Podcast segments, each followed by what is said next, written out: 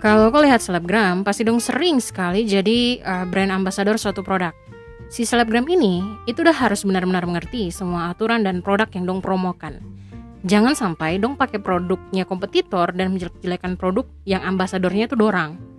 Kalau terus sesuai, selebgram ini dia bisa dituntut sama pihak brand, bahkan kehilangan klien, apalagi kalau sudah tanda tangan hitam di atas putih. Sama halnya loh sama kita orang punya hidup. Masing-masing dari kita orang ini adalah ambasador atau duta dari kita orang punya pencipta. Selama kita orang hidup sampai detik ini.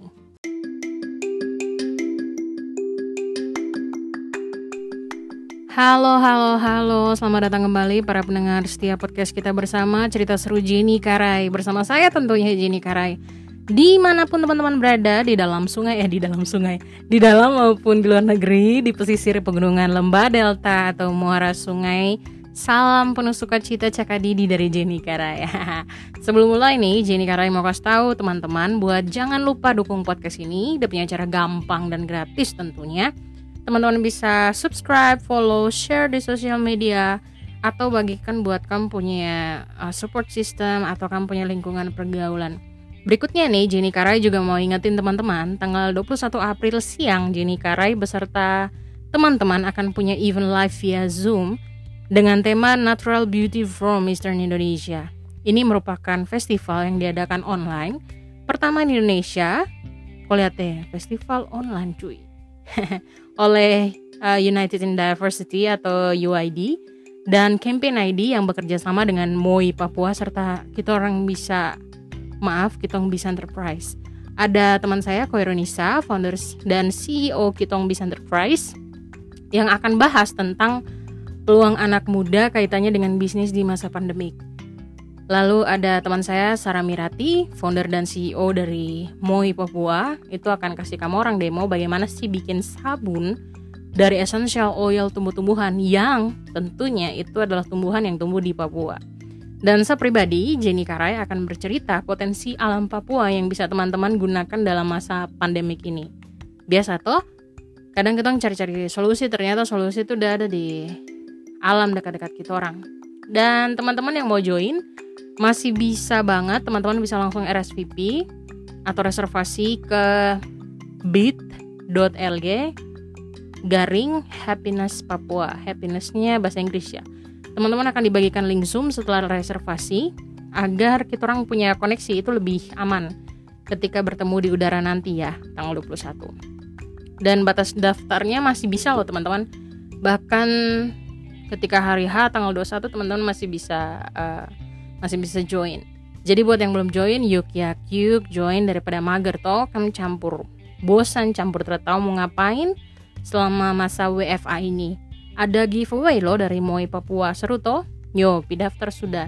Dan jangan lupa ajakan punya teman-teman, saudara, kakak, adik, mama, papa, semuanya boleh bergabung. Dan Jenny Karya juga terima kasih buat teman-teman yang udah bergabung bersama tanggal 21 kita orang pasti baku dapat muka dengan muka.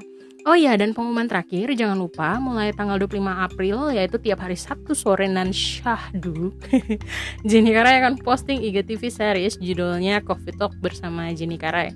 Jadi Jenny Karai akan interview orang-orang dengan punya profesi berbeda, latar belakang yang berbeda banget. Dan sudah ada teman-temannya Jenny Karai yang sudah deal mau untuk uh, diinterview dan bercerita kisah mereka dalam masa pandemik. Spiritnya sebenarnya sederhana banget dari IGTV ini biar jadi pembelajaran dan memberikan semangat buat teman-teman yang menghadapi tidak kita orang semua sebenarnya teman-teman menghadapi pandemi ini kita orang semua kita orang semua terhadap pengecualian dan guys kita orang semua menghadapi badai yang sama jadi kita orang juga harus semangat menghadapinya Nobody left behind pokoknya ketika badai pandemik ini selesai.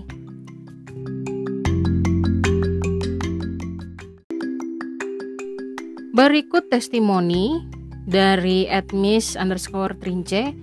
Uh, Miss Trince tulis begini, saya tidak pernah kasih tau kakak, tapi kali ini saya mau kasih tahu kakak kalau kakak punya podcast tuh terlalu andalan. Oh, so sweet. Kadang saya dengar pakai volume bokar-bokar sampai kakak Jin Pusara menggema bokar-bokar di alam Alabama ini dan berasa kayak kajian ada dekat sini. Kalau sepulang, saya akan segera ketemu kakak Jen. Follow quote-quote biar aura positifnya semakin nular. amin terima kasih ada untuk selalu dukung pokoknya ketong sampai baku dapat kembali di Hollandia ya pokoknya kalau ketemu harus buku polo dan juga ada Asofias maaf at Asofia Fardi bagus sekali podcastnya kak. Saya lagi nyicil dengerin podcastnya. Oh.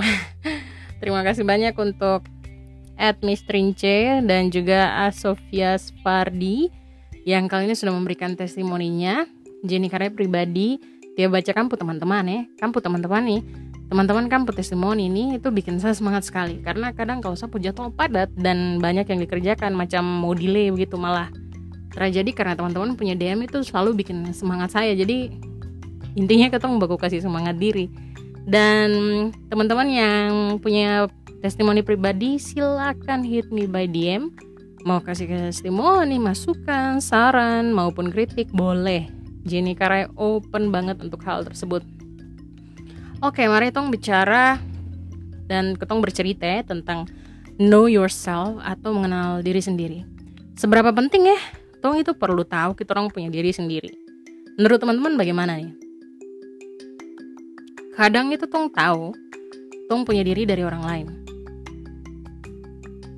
Menurut orang lain kita orang itu begini dan begitu. Tapi pertanyaannya adalah apakah teman-teman kita orang pernah ya menelisik ke dalam dirinya ketong punya diri sendiri?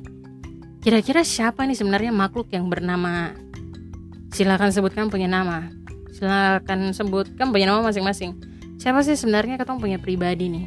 Jangan sampai ternyata cita-cita rencana masa depan atau apa yang lagi kita orang ambil saat ini itu tuh bukan pilihannya kita orang, tapi pilihannya pacar, suami, anak, orang tua atau keluarga besar dan bukan apa yang tong punya diri sendiri mau.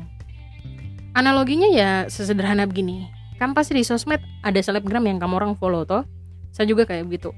Pasti kita orang sering lihat orang menjadi brand ambassador suatu produk tertentu. Teman-teman, seorang influencer waktu dia memutuskan untuk bekerja sama dengan suatu produk yang menjadi brand ambassador itu Anda harus benar-benar baca jelas dan mengerti semua aturan-aturan yang ada. Apalagi kalau kamu sudah jadi ambasador untuk organisasi yang besar, NGO yang besar, atau produk yang saya bilang bukan produk lokal tapi produk yang udah sampai internasional atau produk yang udah nasional itu tuh dia punya rule banyak sekali dan jangan sampai waktu selama dia jadi uh, brand ambassador ya. Orang ini nih malah dia menjelek-jelekan produk yang di endorse. Atau malah dia pakai produk kompetitor secara terang-terangan. Itu tuh bisa-bisa selebgram itu dia dapat tuntut loh. Dari pihak brand karena dia telah memenuhi perjanjian yang ada. Akibatnya ngeri loh teman-teman. Pertama nama selebgram itu bisa jelek. Kedua dia harus bayar kerugian dari pengadilan. Dan yang ketiga itu yang paling parah adalah dia kehilangan calon klien analogi ini sama macam kita orang semua di mata kita orang punya pencipta dalam iman Kristiani, kita orang diutus sebagai brand ambasadornya Tuhan Yesus di dunia. Teman-teman bisa baca detailnya di 2 Korintus 5 ayat 20. Kita orang perlu tahu siapa diri diri sendirinya kita orang ini seperti apa. Dan siapa yang tahu endorse di dunia ini dalam hal ini Tuhan Yesus. Sampai kita orang perlu tahu peraturan-peraturan apa sih yang Tuhan tuh udah kasih ke kita orang sebagai brand ambassador atau duta-dutanya dia. Kenapa? Agar ketika ketong meninggal, ketong ada di akhirat, Tuhan Yesus pasti akan mengevaluasi kita orang hidup di dunia seperti apa. Apakah dia puas dengan apa yang kita orang lakukan di dunia? Sebenarnya teman-teman, masa work from home atau stay at home ini ini nih sebenarnya kalau saya lihat itu masa yang paling strategis untuk tong bisa mengevaluasi dan merenungkan kita orang punya diri sendiri. Know yourself ini itu benar-benar ingatkan saya sekali dengan kisah tentang talenta di Alkitab. Tepatnya di Matius 25 ayat 14 sampai ayat 30. Nah, buat teman-teman yang tidak tahu saya kasih ingat saja secara garis besar. Jadi, secara garis besar itu kisah ini tuh udah merupakan perumpamaan tentang Tuhan yang meninggalkan rumahnya untuk pergi. Sebelum dia pergi, dia tuh mempercayakan sejumlah uang atau talenta kepada dia punya hamba-hamba. Terus akhirnya dia pergi toh dia pergi terus setelah itu dia pulang tuan nih dia tanya sama dia pu hamba-hamba yang dipercayakan dia pu harta apa yang sudah dong lakukan sama harta yang sudah dipercayakan itu. Di sini kita orang dapat pelajari bahwa semua yang kita orang dapatkan dan miliki yang dititipkan di dunia ini dalam bentuk apa pun, pasti waktu di akhirat itu akan diminta pertanggungjawabannya. Setiakah kita orang? Jujurkah kita orang? Apakah kita orang su melipat gandakan talenta apa yang Tuhan titipkan kepada kita orang? Itu pasti apa ya? Itu pasti akan terjadi gitu loh. Dan itu sebenarnya yang membuat uh, saya merenung bahwa oke okay, ya ternyata know yourself ini sangat penting sekali dan juga sangat fundamental karena ketika kau tidak kenal kau punya diri sendiri. Wah kalau kau terkenal kau punya diri sendiri bagaimana kau mau tahu? Kau punya pasangan hidup kau mau yang model kayak bagaimana? Kalau kau ternyata kau punya diri itu maunya apa sebenarnya dan dia tuh sebenarnya bentuknya tuh kayak apa? Nanti kau tidak tahu pekerjaan yang cocok buat kau ke depan itu apa. Itu udah punya implikasi tuh sampai sejauh itu teman-teman Nah, bagaimana sih cara kita orang mengetahui siapa ketong punya diri ini sebenarnya? Kita orang perlu menuliskan dalam secari kertas. Yang pertama, value atau nilai. Perlu sekali tong mengerti dengan jelas apa nilai atau value yang kita orang taruh dalam hidup. Saya kasih contoh 9 buah roh, kasih, sukacita, damai sejahtera, kesabaran, kemurahan, kebaikan, kesetiaan, kelemah lembutan, dan penguasaan diri seperti podcast sebelumnya Jenny Karai, dengan kita orang mempertahankan value yang kita orang punya, itu akan membantu orang membuat keputusan-keputusan penting di dalam hidup ini. Karena ketika salah satu value yang kau pegang tidak ada, kau harus bertanya-tanya, um, is it good? Atau um, kayaknya hold dulu deh, ini tidak sesuai dengan apa yang saya pegang, seperti itu. Dan yang kedua, interest atau ketertarikan barang apa yang kalau kau kerjakan itu kau senang sekali? Apa sih yang buat kau tuh bergairah waktu mengerjakannya? Kalau satu, kalau saya sudah interest untuk sesuatu eh, itu saya sampai kadang lupa makan. itu saya punya weakness. Saya kasih contoh menggambar, belajar memasak, baca buku, atau main musik. Tuliskan apa yang jadi kau punya hobi dan kau punya passion. Saya pribadi ya teman-teman itu paling senang sama yang namanya ngajar. Karena ngajar kan kita banyak ngomong. Dan kita ngomong tuh ngomong knowledge bukan ngomong amburadul hal-hal yang berhubungan dengan humanitarian dan community development itu saya paling suka sekali. Dan untuk humanitarian dan community development ini juga buat saya mau untuk oke okay, mau pergi sampai ke daerah pedalaman yang mana pun I'll do my best gitu loh. Karena ini sesuatu yang saya suka ketemu dengan masyarakat uh, dan juga melayani masyarakat itu paling senang sekali. Dan kalau kamu jaksa untuk barang-barang ini dan itu semua berkaitan dengan masyarakat Papua, weh, man, saya nomor satu. I'm on, I, I, I am on your, I, I'm on your list, kayak gitu. Yang ketiga, temperamen. Ini bukan berapa Fahrenheit atau Celsius, saya itu bukan bukan bukan tapi ini lebih kepada kamu punya kepribadian Apakah kau ini orangnya introvert atau extrovert? Terada yang salah sebenarnya dengan kedua jenis kepribadian ini. Semuanya tuh saling apa ya kalau saya bilang saling melengkapi. Semua tuh punya kelemahan dan kelebihan. Kita orang itu perlu menggali lebih dalam kita orang punya kepribadian. Karena kepribadiannya kita orang itu sadar apa tidak itu akan mempengaruhi cara kita orang bertindak dan berpikir. Kalau kau telah tahu kau kepribadian seperti apa, itu ada banyak tes kepribadian di internet. Coba deh, kamu ikut deput tes, baca dan mengerti.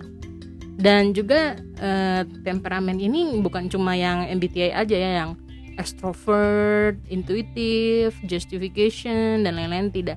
Tapi ada banyak banyak versi yang teman-teman bisa pelajari. Jadi teman-teman bisa lihat dirinya teman-teman itu dengan banyak point of view. Dan benefitnya adalah yaitu teman-teman bisa menggali who am I siapa aku sebenarnya. Dan itu akan membantuku untuk melihat oh saya punya kekuatan di sini saya punya kelemahan di sini. Dan how to handle my weakness itu penting sekali. Yang keempat life mission. Kejadian apa sih selama masa hidupmu yang kau paling ingat dan memorable? Yang membuat kau bangga dan senang sama kau diri sendiri setelah melakukannya? Dari situ kita orang bisa menggali lebih dalam apa sih misi hidup yang kita orang punya di dunia ini yang kelima, strength and weakness. Strength atau kekuatan dan weakness kelemahan. Strength, kekuatan ini hanya berbicara tentang kau punya kemampuan dan skills, tapi karakter apa yang menonjol dari dalam kau punya diri. Saya kasih contoh, setia, konsisten, memperhatikan hal detail, humoris, pintar bergaul, dan deep thinker. Mengetahui kekuatan dalam diri itu akan membentuk kau punya kepercayaan diri loh. Kalau kau cuma fokus di kau punya weakness saja, nanti yang ada kau punya self esteem rendah, kau jadi tidak percaya diri. Cepat minder kayak begitu. Dan untuk weakness atau kelemahan ini kita orang perlu jujur kepada diri sendiri. Apa sih tong punya kelemahan selama ini? Dari sini kita orang bisa memutuskan sebenarnya bagaimana cara kita orang memperbaiki setiap kelemahan yang kita orang punya. Dan menghindari hal-hal yang dapat melemahkan kita orang punya diri. Saya kasih contoh rasa cemburu ketika melihat orang lain sukses eh, ceh, orang lain sukses di sini kita perlu tahu lebih dalam kenapa sih muncul rasa cemburu saya kasih contoh lain lagi. Jenikara ini, ini paling lemah sekali kalau namanya kena hal-hal yang berbau alkohol. Jadi ceritanya tuh, saya pernah dapat kasih uh, minuman coklat panas dari saya punya teman. Karena dia memang suka ngeracik-ngeracik uh, minuman gitu. Bukan minuman alkohol, semua jenis minuman. Terus dia iseng-iseng kan, dia bilang, ah, kok mau coba yang beda atau tidak? Oh ya sama-sama. Akhirnya di dalam punya coklat panas itu udah kasih beberapa cc doang beberapa cc doang vodka gitu di dalamnya dan kamu tahu apa yang terjadi dua hari berturut-turut itu Satra bisa BAB saya punya detak jantung cepat dan Satra bisa tidur sama sekali bayangkan 48 jam ku tidak bisa tidur dan hari ketiga itu saya langsung lari sendiri ke UGD dan ketika dokter cek oh memang. Satu intoleran alkohol. Tipikal orang yang intoleran alkohol. Jadi kalau kau kasih titik beberapa titik saja. Oh loh sudah itu nanti kasus saya bisa tiba-tiba lari dilarikan ke UGD jadi dokter bilang terus saya coba-coba dengan barang yang beralkohol. Kalau sudah tahu intoleran alkohol. Oh ya udah.